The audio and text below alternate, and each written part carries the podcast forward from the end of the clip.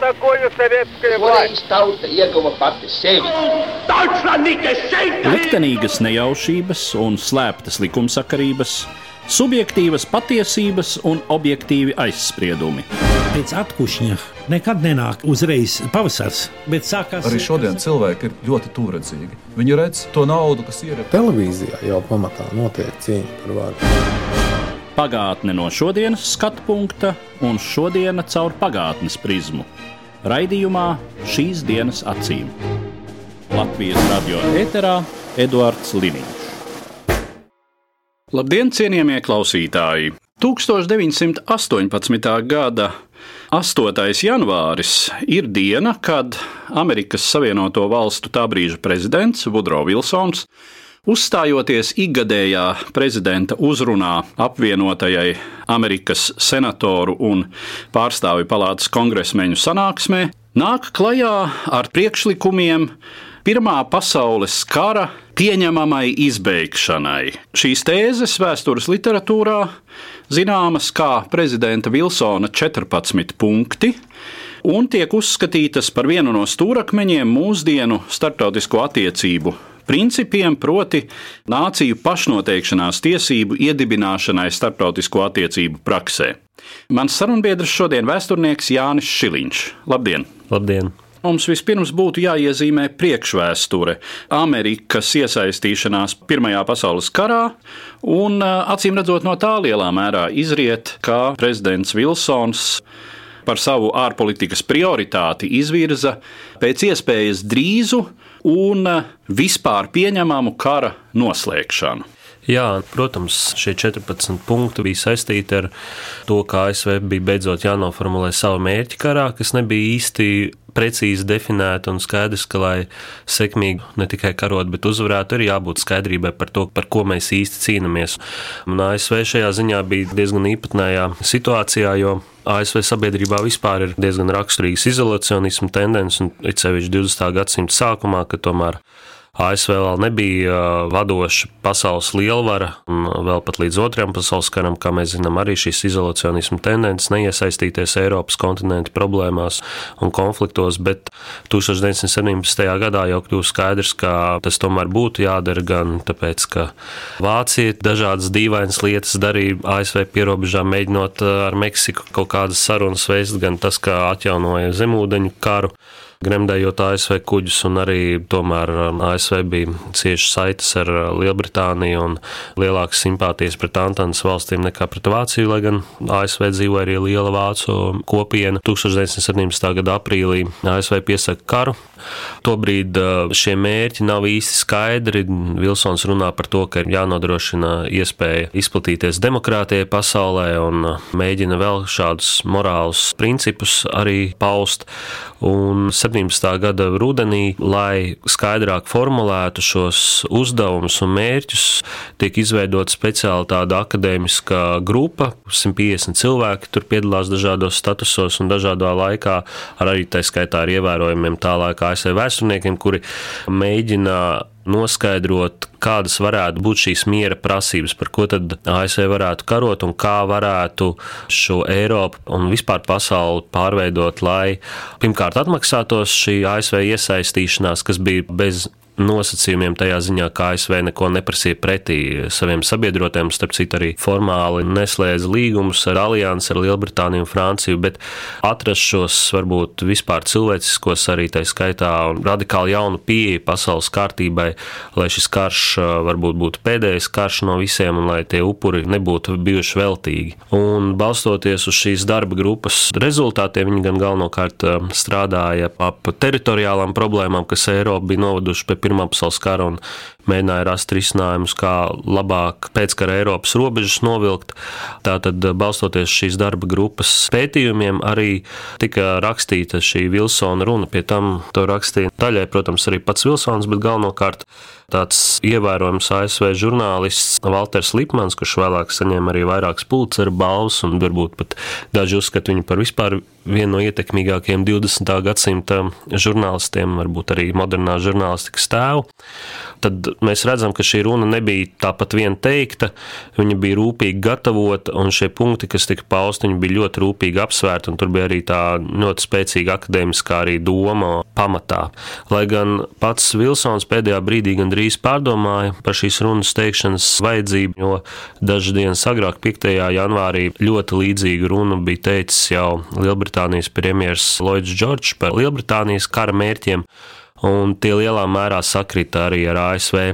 Un tad viņš tātad 8. janvārī uzstājas kongresā, ļoti spīdošā runā, un šie 14 punkti kļūst lielā mērā arī par lūzumu punktu karā, jo tiek piedāvāts kā, skats no malas, kā tad Eiropa, kura pati nespēja atrisināt savas problēmas, kā būtu iespējams to izdarīt. Te laikam ir tā tiešām jūs jau uzsvērtā principiālā atšķirība, ka, ja mēs runājam par kara mērķiem, tad vairumam karā iesaistīto valstu bija diezgan konkrēti. Tā izskaitā teritoriāli mērķi. Piemēram, Francija, karojot pret Vāciju, cerēja atdabūt Elzasu Lotringiju. Jā. Itālija gribēja Dienvidu Tiroli, tas ir vairāk nekā skaidrs. Nu, un vēl pēc iespējas īpašums vidusjūras basēnā. Krievi skatījās uz Bosporu un Dardaneļiem un tā tālāk. Ar Lielbritāniju varbūt ir tiešām drusku citādi, jo Lielbritānijai vismaz Eiropas kontinentā teritoriālu interešu nebija. Jautājums ir par to, ka, protams, varētu pārdalīt Vācijas koloniālos īpašumus un bijušos Osmaņu impērijas īpašumus tojos austrumos. Tā tad bija šīs teritoriālās ambīcijas. Amerikai praktiski tādu nebija. Jā, tieši tā. Pie tam līdz Pirmajam pasaules karam arī Eiropā ASV tomēr uztvēra kā otrās šķiras šķiras lielvalsti. Un um, ASV iesaistoties karā, viņiem bija skaidrs, ka koloniālā ziņā varbūt varēja domāt par kādām pretenzijām uz Klusa okeāna, varbūt vācu īpašumiem, bet arī tas nebija īpaši nozīmīgi. Un svarīgākais bija tas, ka ASV, starp citu, ļoti līdzīgi kā to pauda arī lielnieki Krievijā, ja bolševiki ar Ļeņinu priekšgalā, tas bija varētu formulēt kā miers bez aneksijām un kontribūcijām. Tas nozīmē, ka valstis atsakās no savām teritorijām teritoriālām pretenzijām. Vācijai šīm karā zaudējušām valstīm nav jāmaksā kontribūcijas, un visus šos jautājumus risina kolektīvi caur Tautu Savienību. Un tas izrādījās, protams, pārāk ideālistiska programma tā laika apstākļos. Eiropa īsti tam vēl nebija gatava, bet, ja mēs paskatāmies uz mūsdienām, tad mēs redzam, ka šīs idejas ir liktas pamatā mūsdienu pasaules kārtībai. Un mūsdienās tā šķiet pilnīgi pašsaprotams gan tautu pašnoteikšanās princips, kas tolaik radīja ļoti liels problēmas, gan kolektīvās drošības princips, kas bija pilnīgs jaunums tā laika sabiedrībā, un arī ideja par to, ka demokrātija pati par sevi kā sistēma ir vērtīga un tā ir jāizplata pasaulē, lai vairotu mieru, jo demokrātijas ir mazāk agresīvas un nekaro savā starpā.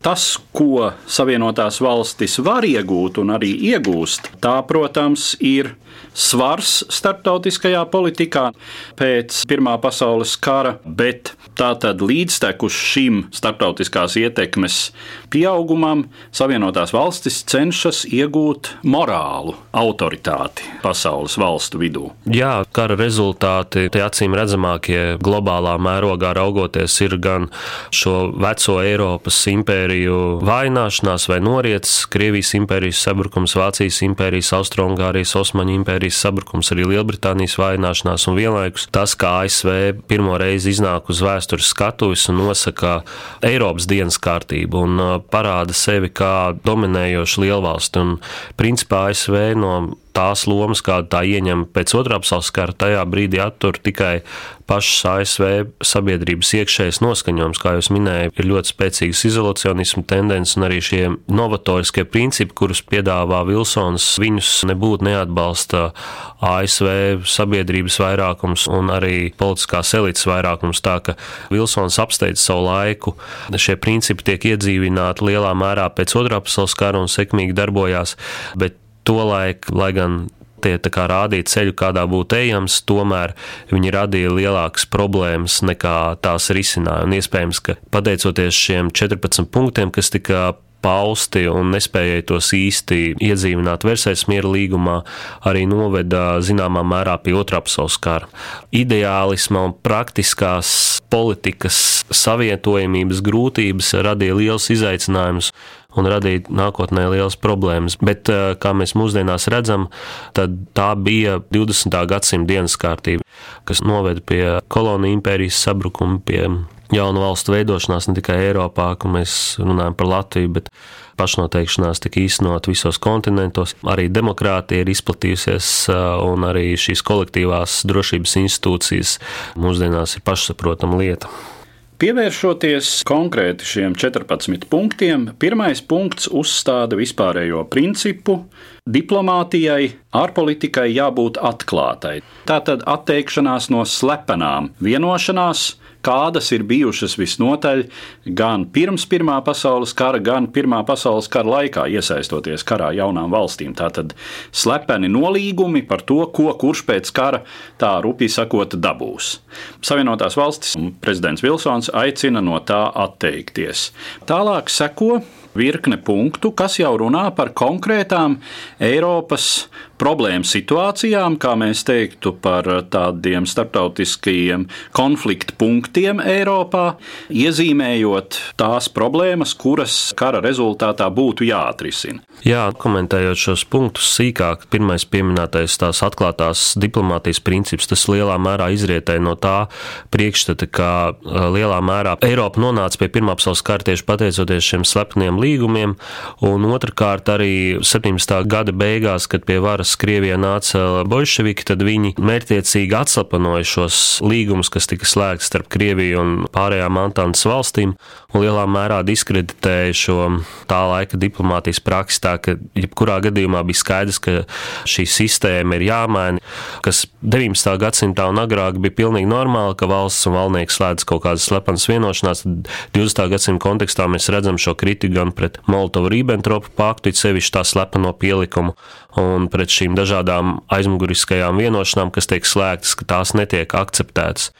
Un tur ir vēl vairāk arī sekojošie punkti, tādi vispārīgi, gan par kuģošanas brīvības ievērošanu, gan par šo starptautisko tirzniecību, šķēršļu mazināšanu, lai mazinātu konfliktu iespējamības. Arī vispārējās atbruņošanās princips, kas ir ļoti svarīgs, kuru īsti neizdodas ievērot, un arī varbūt mēs mūsdienās neesam tik tālu tikuši, lai spētu arī to īstenot dzīvē. Un, kā jūs minējāt, arī šo robežu konfliktu risināšanu, Polijas valsts izveidošanu un Beļģijas atjaunošanu, arī šo okupēto teritoriju atstāšanu no Vācijas puses, tā skaitā Krievijas pamešana, kas varbūt mums ir svarīgākā Vācijas armijā aizejot no Baltijas valstīm, ka bija iespējams izveidot neatkarīgas Baltijas valsts, lai gan ASV un it sevišķi Udro Vilsons uzskatīja, ka šādām valstīm īsti nevajadzētu pastāvēt, ka Latvijai un Igaunijai vajadzētu mēģināt viņus pārliecināt, lai atgrieztos atgrieztos šajā lielajā Krievijā. Šie 14 punkti dalās divās daļās. Ir šie morāli ideālistiskie un globālie mērķi, un tādi daudz praktiskāki, konkrētāki teritoriālie mērķi. Un arī viņi sadalās tajos, ko Vilsons uzskatīja, kur ir obligāti jāievēro. Tātad šie principi jāievēro, ko es minēju, tautu pašnoteikšanās princips un jāizveido arī tautas savienība. Un tad ir šie ieteicamie mērķi, kas attiecas uz teritoriālām pretenzijām, ko ASV neuzspiež uh, Eiropiešiem, jo viņi paši nepiedara Eiropas kontinentam, bet kur viņi redz, kas lielā mērā izriet no šo akadēmisko spēku darba, ka ir šīs lietas jārisina Eiropai, lai neatkārtotos uh, šāda konflikta nākotnē. Jā, bet tas, ko mēs redzam Vilsona punktos, vienīgā konkrētā nācija, par kuras suverēna valstiskuma atjaunošanu runā Vilsona 14 punkti, tā ir Polija. Jūs jau pieminējāt par viņa attieksmi pret latviešu un igauņu iespējamām pašnoteikšanās tiesībām, vai precīzāk to īstenošanu. Tātad uz Krieviju tobrīd Vilsons vēl raugās kā uz vienotu veselumu, un vairāk runā par to, ka Krievijai ir jāatjaunojas. Kā tas tiek formulēts, jāsaņem visa iespējamā pretimnākšana, atgriežoties savu līdzinējo sabiedroto saimē. Krievija tobrīd ir lielais nezināmais, jo 17. gada novembrī lielnieki ir izdarījuši afērs un Krievijā Un tajā brīdī, kad Vilsons saka savu runu, norit miera sarunas starp Vāciju un Krieviju, tā ka nav īsti skaidrs, vai Krievija turpinās karu vai izstāsies izstāsies no kara, un, protams, ASV ir ļoti ieinteresēta, lai Krievija paliek karā un karo pret Vāciju, kas nozīmētu drīzāku uzvaru. Tas ir viens no iemesliem, kāpēc Vilsons ir tik pretimnākošs um, Krievijai, un arī pēc desmit dienām ir paredzēta Krievijas satversmes sapulces sanākšana, tā ka ir cerība arī, ka Krievija varētu palikt arī demokrātiska, un nav īsti skaidrs, cik uh, ilgi Ļeņins paliks pie varas. No liela daļa uzskatīja, ka viņa režīms ļoti ātri kritīs, un bija skaidrs, ka Vācija un Krievija ir tomēr spēcīgākie Eiropas kontinenta spēlētāji, un vēlāk mēs arī redzēsim, ka Versailles līguma viena no šīm galvenajām neveiksmēm bija tā, ka tieši šie divi Eiropas spēki, šīs lielvalstis, bija visvairāk zaudējuši Pirmajā pasaules karā un izjūt lielu netaisnību par to, kas viņiem nodarīs. Izceļš Vācija, ka tomēr šos Vilsona 14 punktus Versailles miera līgumā īsti neievēroja, un viņi to uzskatīja, ka viņi ir apmānīti, jo sākotnēji tas likās diezgan labs risinājums, veids, kā Vācija varētu iziet no kara. Tātad Krievija ir šis lielais nezināmais tajā laikā, un tas pats attiecas arī uz Austrumu Eiropu, ceļš Austrumungāriju un arī pārējiem Balkāniem, kur īsti nav skaidrs, kas īsti notiks pēc kara, un arī Vilsons tomēr runā par to, ka šīm dažādām nacionalitātēm, kas dzīvo Austrumungārijas sastāvā, būtu jāsniedz autonomija, bet arī šis pašnoteikšanās princips, protams, ir visai plašs un to, kā kurš uztver, cits to uztver kā pilnīgi neatkarību, cits kā autonomijas nepieciešamību. Un tur tomēr šie punkti, lai gan viņi izklausās skaidri, tur ir daudz iekšējas nenoteiktības, kaut vai terminoloģijā, ko kas ietver sevī. Jā, droši vien, ka saprotot tā brīža situāciju, atšķirībā no šī brīža, kad nācija pašnoteikšanās princips ir eh, jau simts gadus tā vai citādi funkcionējis starptautisko attiecību praksē, ir eh, jāsaka desmitiem, ja ne simtiem tādu vai citādu īstenošanās vai neīstenošanās gadījumu, milzums precedentu. Tobrīd šis princips tik tikko ir tā sacīt iznests starptautisko attiecību skatuves priekšplānā. Un Ar to varētu pateikt, zināmā mērā žonglē dažādi politiskie spēki. Mēs varam pieminēt, ka jau piesauktie Krievijas bolševiki arī ir jau nākuši klajā tobrīd ar dekrētu par Krievijas tautu tiesībām, kas arī saka, ka Krievijas tautām ir tiesības uz pašnoteikšanos līdz pat tiesībām veidot suverēnas valstis. Jā, un Somija to momentā izmantoja, izveidojot neatkarīgu valsti. Bet Tas ir interesanti, ja mēs tā paskatāmies globāli, visu 20. gadsimta kontekstā, tad mēs redzam, ka šeit jau gadsimta sākumā, Pirmā pasaules karā iezīmē šie divi lielie konkurējošie spēki - ASV Padomju Savienība, šī liberāla demokrātiskā nometne un komunistiski diktatoriskā, kuras pauž šos jaunos principus. Lielnieki šo pašnoteikšanās principu uztver nedaudz savādāk, gan kā taktisku piekāpšanos, saprotot, cik svarīgs ir šis nacionālais jautājums jautājums, gan arī turpmākajā savā praktiskajā politikā nevis uztverot kā nāciju pašnoteikšanās principu, bet konkrētās nācijas daļas, tās augtās darba tautas, jeb padomju tautas tiesības, kuras attiecas tieši uz šo sociālo konkrēto grupu. Un šajā ziņā, protams, Ļeņins patiesībā pirmais atklāti pauž šo pašnoteikšanās principu, un tādēļ arī uz Vilsonu ir liels spiediens, lai viņš arī par to pašu runāt un arī piedāvātu pasaulē šo principu. Un tas arī tiek pausts un tiek arī īstenots tādā demokrātiskākā un visaptvarošākā veidā nekā tas ir lielnieku pusē.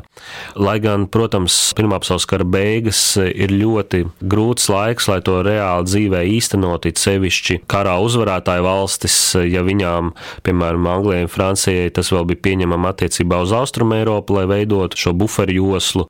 Tur viņi saredzēja jēgu izveidot šo neatkarīgo valstu virkni starp lielniecisko Krieviju un, un Vāciju. Tad attiecībā uz Vāciju, uz kuru arī attiecās, jo šis ir universāls pašnoteikšanās princips uz vācu tautu, tad uh, uzvarētāja valstis negribēja, lai Vācija īsteno šo pašnoteikšanās principu, apvienojot, piemēram, visas vācu zemes vienā valstī. Tā skaitā tāda Austrija, Polijā dzīvojošie vācieši, Čehijā dzīvojošie vācieši. Un Hitlera 30. gadu beigu panākumu atslēga lielā mērā bija tas, ka viņš varēja atsaukties tieši šo tautu pašnoteikšanās principu. Un tas izrādījās ļoti viegli manipulējama ideja, jo pats eh, Ļeņins jau 18. gada beigās to pašu izmantoja, sūtījams sarkano armiju palīgā revolucionārajai Vācijai, un lai to korekti diplomātiski noformulētu, lai radītu problēmas saviem pretiniekiem. Viņš arī teica, ka jā, mēs īstenojam šeit Baltijā, Ukrainā, Baltkrievijā tautu pašnoteikšanās principu, veidojot šeit padomju valstis, padomju valdības. Lai gan tam īsti nebija saistība ar visu tautu, konkrēto vai nāciju, bet uh, tas tika izmantots tīri tādām politiskām, ārpolitiskām, ģeopolitiskām manipulācijām. Atgriežoties pie Vilsona 14 punktiem, ko no tā izdodas īstenot Pirmā pasaules kara izskaņā, tātad sākoties šim miera procesam, Parīzes miera konferencei, Laikam lielākais ieguvums tā ir Tautas Savienības izveidošana, lai gan Vilsonam neizdodas panākt senāta akceptu, lai ASV iestātos arī Tautas Savienībā, kas ir liela neveiksme. Un arī mēs vēlāk, 30. gadu beigās, redzam, ka tomēr Tautas Savienība neizrādās īsti dzīvot spējīgi, bet tas vismaz ir tāds kā priekšgājējs pēc otrā pasaules kara izveidotajām apvienoto nāciju organizācijai, kas darbojas visu 20. gadsimtu un daudz maz sekmīgi. Nu, mūsdienās, protams, ir asa kritika kritika, un acīm redzot, šī struktūra ir jāreformē radikāli, bet Tautas Savienības izveidošana varētu būt tāds svarīgākais punkts, kas tiek izdarīts no Vilsona programmas.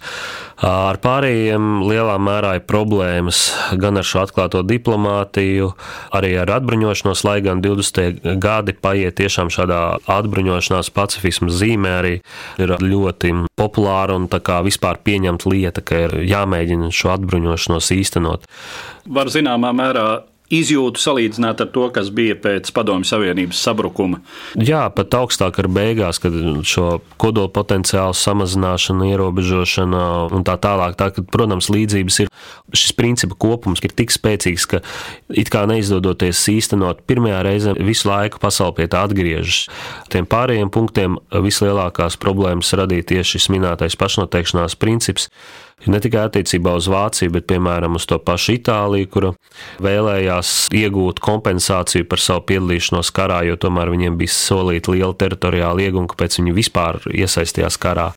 Un uh, gal galā lielā mērā pateicoties nespējai samērot, salāgot šīs uzvarētāju valstu vēlmes pēc kompensācijas, jo zaudējumi tiešām bija ciesti briesmīgi Pirmā pasaules karā, un šos ideāliskos principus nespējot salikt kopā. Piemēram, Itālijā arī nu, lielā mērā pateicoties tam arī nāk pie varas Musolīni, izveidojas fašistisks režīms ar savām milzīgām, it kā nepamatotajām revanšistiskajām tieksmēm, ka it kā mēs esam piemānīti Pirmajā pasaules karā un ka mēs tagad būvēsim atkal jaunu Romas impēriju. Pašnoteikšanās tiesības tātad neievēro attiecībā uz Vāciju, jo izveido Poliju ar Dancigas koridoru, kas tomēr ir vāciska apdzīvota teritorija un Vācija protams, arī ir ļoti satriekta par to, ka šie 14 punkti netiek ievēroti. Un tāpat arī citos gadījumos arī Francija varbūt ir uh, cerējusi uz lielāku Vācijas novājināšanu. Ungārija ir pilnīgi Jā, Ungārija ir pateicoties tam, ka šīs uzvarētāja lielvalstis nerīkojas pēc tik morāli augstiem standartiem, kā Vilsons noteica. Lielā mērā arī tur izveidojās padomju režīms, padomju Ungārija ar diezgan briesmīgu vēsturi 19. gadā. Nu, neviens īsti nav uzvarējis uh, šī karā, jo visi jau ir neapmierināti ar tiem rezultātiem. Ne Vilsons var būt apmierināts jo viņa principi netiek ievēroti ne šīs uzvarētāja valsts, jo viņas nesaņem tik daudz, kā viņas ir cerējušas. Viņiem šķiet, ka īsti šie zaudējumi varbūt nav atmaksājušies, un tā uzvara nav tāda, kādu viņi būtu vēlējušies. Un arī zaudētāja valsts, protams, kā mēs varam iedomāties, ir ļoti neapmierināts. Viena lieta būtu zaudētāju valstīm tā arī pateikt, ka jūs esat zaudējuši, tāpēc jūs tagad maksāsiet un cietīsiet, bet viņiem vēl tiek uzlikts šis morālais sloks, tas, ka lūk, viņi esot vainīgi kara uzsākšanā, ko Vācija uzskatīja par pilnīgi nepieņemamu, ka viņi tiek padarīti par vienīgajiem grēkāžiem, ka viņi lūk ir vainīgi vienīgie pie Pirmā pasaules kara sākuma. Pagala viena nedeg. Skaidrs, ka bija daudz puses, un mūsdienās arī daudzi vēsturnieki uzskata, ka Krievija bija vainīgāka. Nu, tad tie strīdi var būt bezgalīgi, bet skaidrs, ka Vācija nebija vienīgais vainīgais. Nu jā, un uh, arī tā izjūta, ka ja mums nebūtu piedāvāti tik pieņemami kara noslēgšanas noteikumi, varbūt mēs vēl cīnītos. Pirmais punkts par atklāto diplomātu, viņš jau netika principā ievērots Parīzes miera konferences gaitā, kur nebija pieaicināta Vācija. Versējas miera līguma noteikumi tika sagatavoti aizmuguriski no Vācijas, un viņi bija šokēti par to, ko viņi ieraudzīja. 19. gada vasarā Kompienas pamieris tika lielā mērā slēgts, kā pamat ņemot šos Vilsona 14 punktus, un Vācija arī piekrita atbruņoties. Viņi jau bija atdevuši savu floti un aizgājuši no okupētajām teritorijām, un pēkšņi viņi saņem šādus te miera līguma noteikumus, kurus nepieņemot skaidrs, ka viņi ir nostādīti bezzējā un strupceļā. Viņi vairs nevar nepieņemt šos noteikumus. Un tas rada milzīgu politisko spriedzi un gal galā arī pie ļoti spēcīgām revanša tieksmēm un vēlmēm, kuras vēlāk, 30. gadu beigās, arī Vācija realizē dzīvē. Ja mēs novērtējam Vilsona 14 punktu ietekmi uz tā brīža Latvijas valstiskuma veidošanās procesu, Latviešu sabiedrībai un politiskai elitei, šeit domāju, nacionāli un sociālistiski mēreni noskaņotos spēkus, pašnoteikšanās princips bija vissvarīgākais. No otras puses, arī šīs Vilsona demokrātijas ideālisms bija arī ļoti simpātisks, tāpēc ka latviešu politiskā vispār šī doma no 19. gadsimta vidus jau demokrātiju izvirzīja kā nākamās Latvijas stūrakmeni par to ideālu, kādai sabiedrībai vajadzētu būt, ka tai vajadzētu būt demokrātiskai.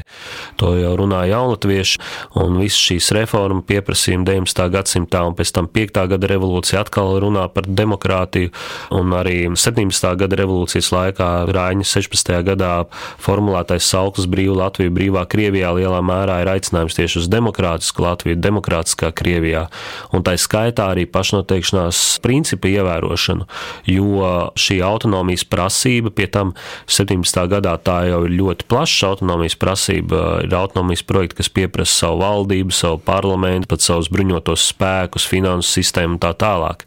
Arī savu atsevišķu latviešu pilsoņu kopuma izveidošanu. Un arī 17. gadā veidojas šī neatkarības prasība, un šīm prasībām vērtībām ļoti svarīga tieši šī pašnoteikšanās ideja, ar kuru manipulē arī Ļeņins, bet skaidrs, ka Krievija ir karā zaudējusi valsts. Svarīgāk ir, ko runā sabiedroto valstis, no kurām būs atkarīgs Latvijas liktenis, jo Latvija tomēr ir vismaz daļa 17. gada okupēta un 18. gada sākumā visa okupēta. Tas nozīmē, ka ļoti svarīgi, kāda nostāja būs Lielbritānija, Francijā, ASV. Un tā kā ASV skaļi un atklāti pauž šo tautu pašnoteikšanās principu, tas ir ļoti iedvesmojoši. Un trešā šī lielā ideja, ko Vilsons pauž, kolektīvā drošība Un tas arī ir neatņemama un, un ļoti svarīga ideja arī Latvijas kontekstā. Sākot jau ar Latviešu pagaidu Nacionālo padomu, kad tā runā par Latvijas vietu vispār Eiropā, un arī visas turpmākās politiķu paudzes runā par Latviju kā Eiropas sastāvdaļu, Eiropas drošības, ekonomiskās sistēmas sastāvdaļu, un ir šis priekšstats, ka mazas valstis var veiksmīgi pastāvēt, bet, protams, ir vajadzīga kaut kāda kolektīvās drošības sistēma. Un, Un mūsdienās, kad mēs šiem principiem paskatāmies, tad tie visi ir tikpat aktuāli, vai varbūt pat vēl aktuālāk mūsdienās. Un lielā mērā arī tie ir īstenoti gan kolektīvās drošības ziņā, NATO, gan arī kopības ziņā ar pārējām suverēnām valstīm Eiropas Savienībā. Tāpat pašnoteikšanās princips, kurš ir ārkārtīgi svarīgs, un arī demokrātijas princips. Jā, tas ir jautājums, ar kuru es gribētu mūsu sarunu tuvināt noslēgumam. Cik lielā mērā mēs šodien novērtējam gan šo konkrēto Vilsona pausto ideju, gan vispār demokrātijas nozīmi starptautiskajās attiecībās? Tomēr simts gadi ir pagājuši, un Vilsona punkti bija vairāk domāti 20. gadsimtam, bet mūsdienās, es jau minēju šo ANO piemēru, ir mūsdienu pasaulē arī jaunas problēmas, kuras īsti ar šīm vecajām metodēm nevar izsināt. Un ir jautājums, ko darīt tālāk iespējams reformēt. Nav iespējams reformēt visas šīs vecās struktūras, bet tāpat jautājums paliek pirmkārt jau par atbruņošanos, par mieru, ko īsti nenodrošina šie vecie principi, un arī par pilnīgi citām problēmām, kā demografiskās, klimatiskās un vēl vesela virkni, kuras Pirmā pasaules kara laikā un pēckara laikā nebija aktuāls. Tā ka jā, es domāju, ka Vilsona 14 punkti ir nozīmīgi tādēļ, ka tas ir pamats, uz kura ir būvēta mūsdienu mūsdienu pasauli, bet ir skaidrs, ka laiki ir nedaudz mainījušies un laikam jāgaida nākamais Vilsons, kurš formulēs jaunus punktus, pēc kuriem nākotnes pasauli varētu dzīvot, kuri varbūt būtu tikpat novatoriski kā toreiz pirms simts gadiem paustie Udro Vilsona punkti. Un atliek vien cerēt, ka tas nenotiks kādu tikpat plašu satricinājumu rezultātā, kā tie, kuru noslēgumā tātad izskanēja šī saprāta un ideālisma balss, kas piederēja prezidentam Vilsonam. Ar to mēs arī noslēdzam mūsu šodienas sarunu, un es saku paldies manam sarunbiedram, vēsturniekam Jānim Šiliņam. Paldies, uzredzēšanos! Par pagātni sarunājas Eduards Līniņš.